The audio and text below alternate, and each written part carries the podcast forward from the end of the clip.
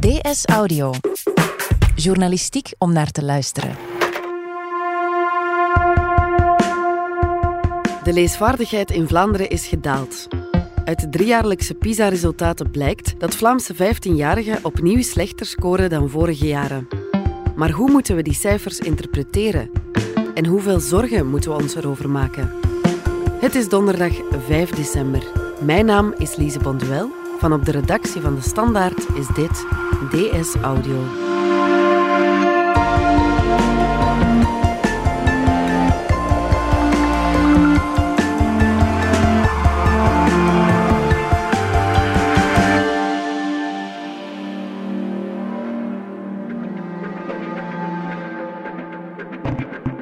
Simon Grimompré, onderwijsexpert bij De Standaard.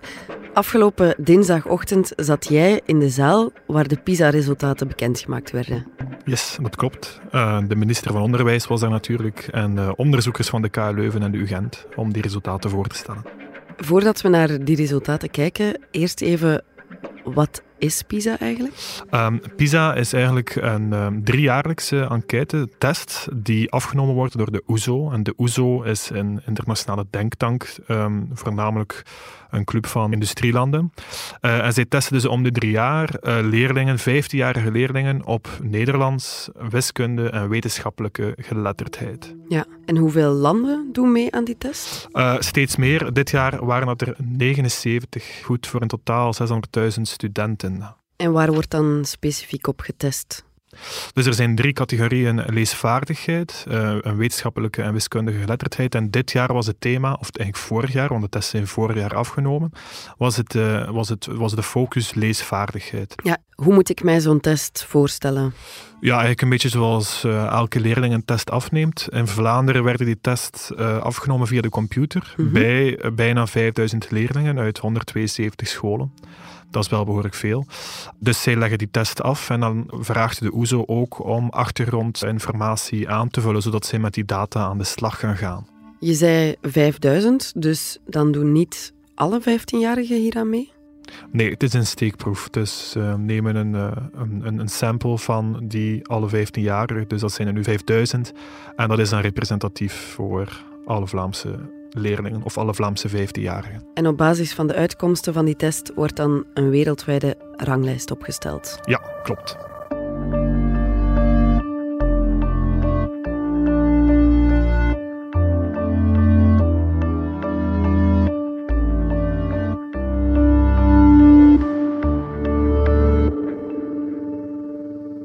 Ja, de nadruk lag nu dus op leesvaardigheid.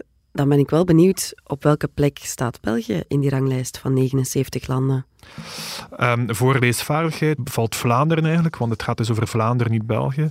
Uh, valt Vlaanderen voor het eerst uit de top 10. En wij scoren nu tussen het 11ste land en het 22ste land. Oké. Okay. En dat is een daling ten opzichte van vorig jaar, hè? Ja, absoluut. Het is eigenlijk al een daling die al een tijdje is ingezet. En nu nemen wij opnieuw een serieuze duik. Dat is ook wel redelijk ernstig. Uh, bijna één op de vijf van de Vlaamse 15-jarigen haalt eigenlijk het referentieniveau niet, wat de OESO voorop stelt. Dat is dus wel redelijk veel. Mm -hmm. PISA wordt eigenlijk afgenomen sinds begin jaren 2000. En toen scoorden wij er altijd heel goed in. Die krantenkoppen toen, dat is fantastisch om te zien. Vlaanderen heeft de beste leerlingen ter wereld. Um, 2010 de standaard. Vlaamse jeugd blijft top. Wat dat wel duidelijk is, ook sinds, zeker sinds 2010, dat wij steeds minder goed scoren. Dus het is eigenlijk al een tijdje dat er een, een dalende trend is. En die dalende trend ja, gaat steeds verder. Ja. Het opmerkelijk is dat wij nog altijd ja, subtop zijn internationaal. Zeker Europees doen we het nog altijd eigenlijk redelijk goed. Zitten we boven het gemiddelde. Mm -hmm. uh, maar ja, maar toch, toch blijven wij wel dalen. En die daling wordt steeds serieuzer genomen. En men neemt dat steeds uh, ernstiger. En alle knipperlichten staan nu eigenlijk op rood. Ja, je zegt de leesvaardigheid daalt al een tijdje. Hoe komt dat eigenlijk? Dat is een zeer goede vraag, Lise, waar eigenlijk niemand echt het antwoord op weet. Ten eerste is het belangrijk om te vermelden dat niet alleen PISA aanwijst dat de leesvaardigheid naar omlaag gaat. Er zijn ook uh, PEARLS-testen uit 2016. Uh, ja? Die waren ook al redelijk dramatisch. Toen bleek al dat er iets aan de hand was. Ten tweede, er zijn natuurlijk onderzoekers die zich hebben bezighouden met de daling van de laatste jaren. Um, ja. Er zijn bijvoorbeeld onderzoekers van de KU Leuven die 22 hypothesen hebben getest, wat nu de oorzaak zou kunnen zijn van die verminderde leesvaardigheid. Um, er zijn een aantal hypotheses die het niet zijn. Bijvoorbeeld dat de zwakke resultaten toe te schrijven zijn aan een groter aandeel van niet-Nederlandstalige leerlingen. Dat is Mhm. het bijvoorbeeld niet. Er zijn ook heel wat hypothesen die eigenlijk, waar er eigenlijk veel te weinig data voor is, of waar we eigenlijk niet over kunnen oordelen. Bijvoorbeeld dat de zwakke en dalende resultaten toe te schrijven zijn aan het stijgende gebruik van digitale media bij kinderen, gsm, tablet enzovoort. Ja. Die daling, het onderwijs is zo complex dat het heel, heel moeilijk is om die vinger daarop te leggen. Maar de onderzoekers hebben wel van één hypothese gezegd dat ze, misschien zelf waarschijnlijk, verantwoordelijk is voor die daling. En dat is de tijd dat leerkrachten spenderen aan leesinstructie is gedaald. Ja. Redelijk veel zelf, tussen 2006 en 2016, van 146 uur naar 84. Dat is dus bijna een halvering. Dat is waarschijnlijk een verklaring voor die dalende kwaliteit. 100% zeker weten we dat niet. Wat we wel bijna zeker weten is dat er nog veel andere redenen zijn die daarop inspelen, maar ja, daar kunnen we dus eigenlijk moeilijk de vinger op leggen. Dat is echt de moeilijkheid van deze discussie en van deze cijfers. Ja, dus de weinige tijd die leraren besteden aan lezen heeft waarschijnlijk invloed op de leesvaardigheid. Heeft het lerarentekort daar dan ook iets mee te maken? Dat zou kunnen, maar dat is een zeer onbevredigend antwoord. We weten het niet. Uh, Ja. Dat moet on- absoluut onderzocht worden. Het is wel zo dat voor Nederlands de tekorten nu wel nog meevallen. De tekorten situeren zich eerder in andere vakken, maar het zou kunnen, absoluut. Ja. Hoeveel zorgen moeten we ons hierover maken?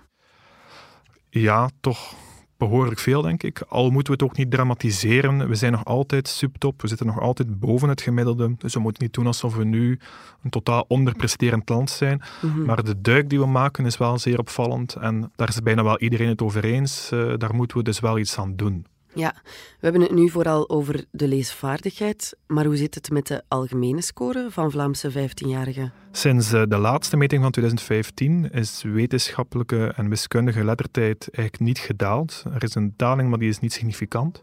Het is wel zo dat de laatste 20 jaar duidelijk een, eh, een daling zien. Ook bijvoorbeeld bij de toppresteerders. Het aantal toppresteerders dat gedaald is, dat is eh nergens zo hoog als in Vlaanderen. Dus dat is wel een probleem.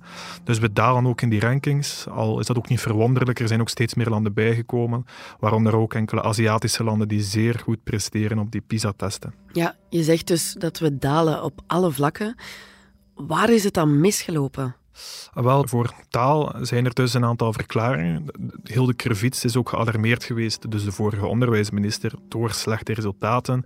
Ze heeft dan een taalraad opgericht. Die is tot een aantal conclusies gekomen. Uh, dat de aandacht voor leesmotivatie bijvoorbeeld onvoldoende is. Dat het uh, leesonderwijs niet uitdagend genoeg is. Um, en dat de, de gehanteerde didactiek, hoe leerkrachten lesgeven, dat dat niet evidence-based genoeg is.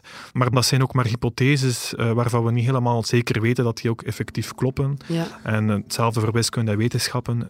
De, de vinger op de wonden leggen, dat is eh, zeer moeilijk in deze discussie.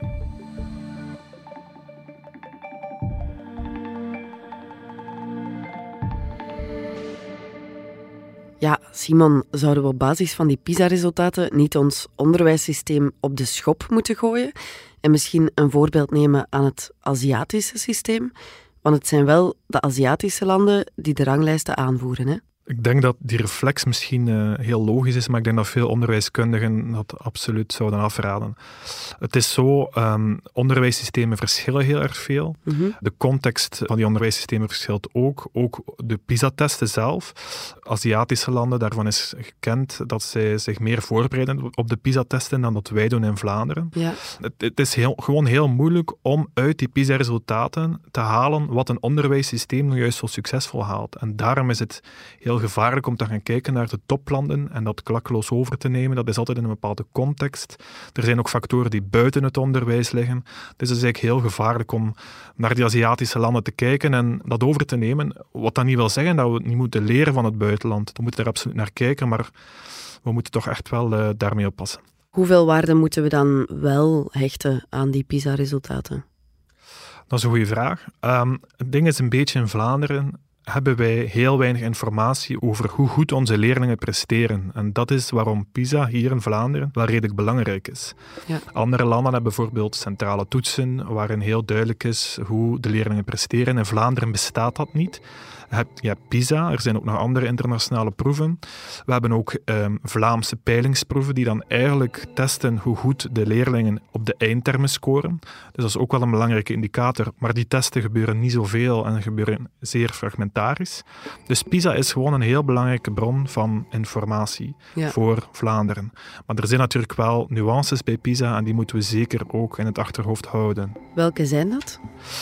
Uh, een evidente is natuurlijk dat PISA vooral test op cognitieve vaardigheden, uh, taal, wiskunde, wetenschappen. En dat technische en beroepsvaardigheden daar niet veel aan bod komen. En in die zin zijn leerlingen uit het beroeps een beetje benadeeld. Mhm.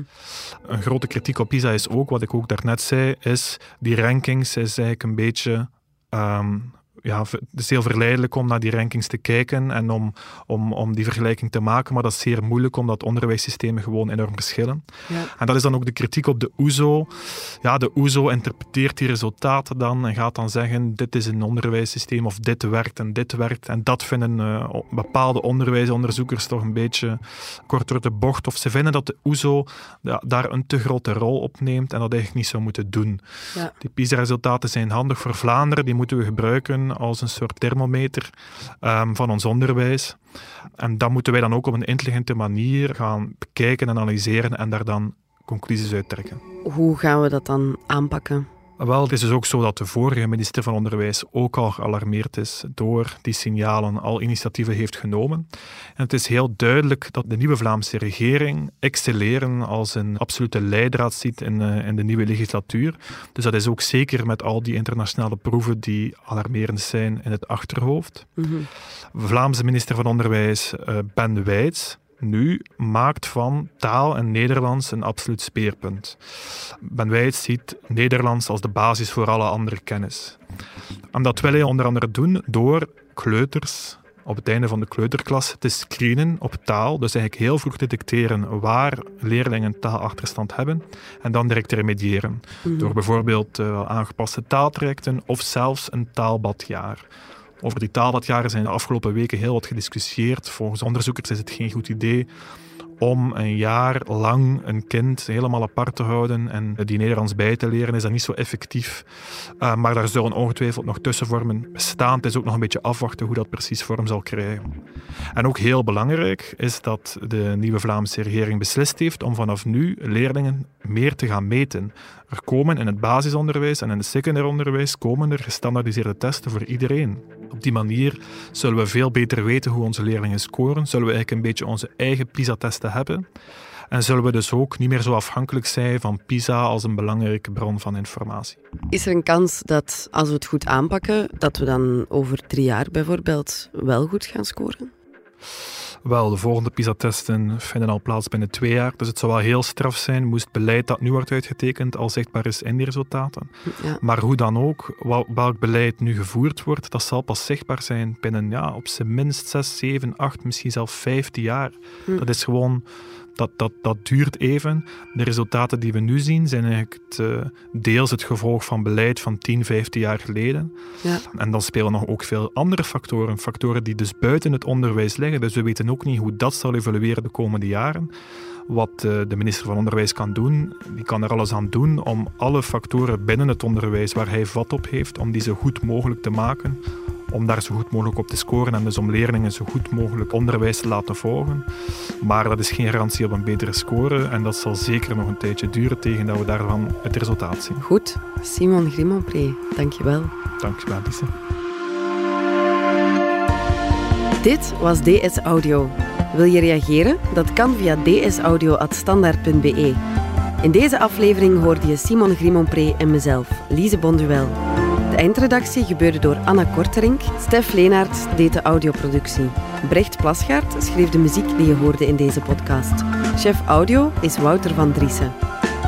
Vond je deze podcast interessant? Weet dan dat je er elke werkdag één kunt beluisteren. Dat kan via de DS Nieuws app of via standaard.be-audio. Je kunt je ook abonneren via iTunes, Spotify of de podcast app van je keuze. En als je daar dan toch bent, schrijf gerust een review. Zo toon je ook anderen de weg. En ben je benieuwd naar een abonnement op onze krant? Surf dan zeker eens naar standaard.be-voordelig. Daar vind je onze aanbiedingen. Morgen zijn we er opnieuw.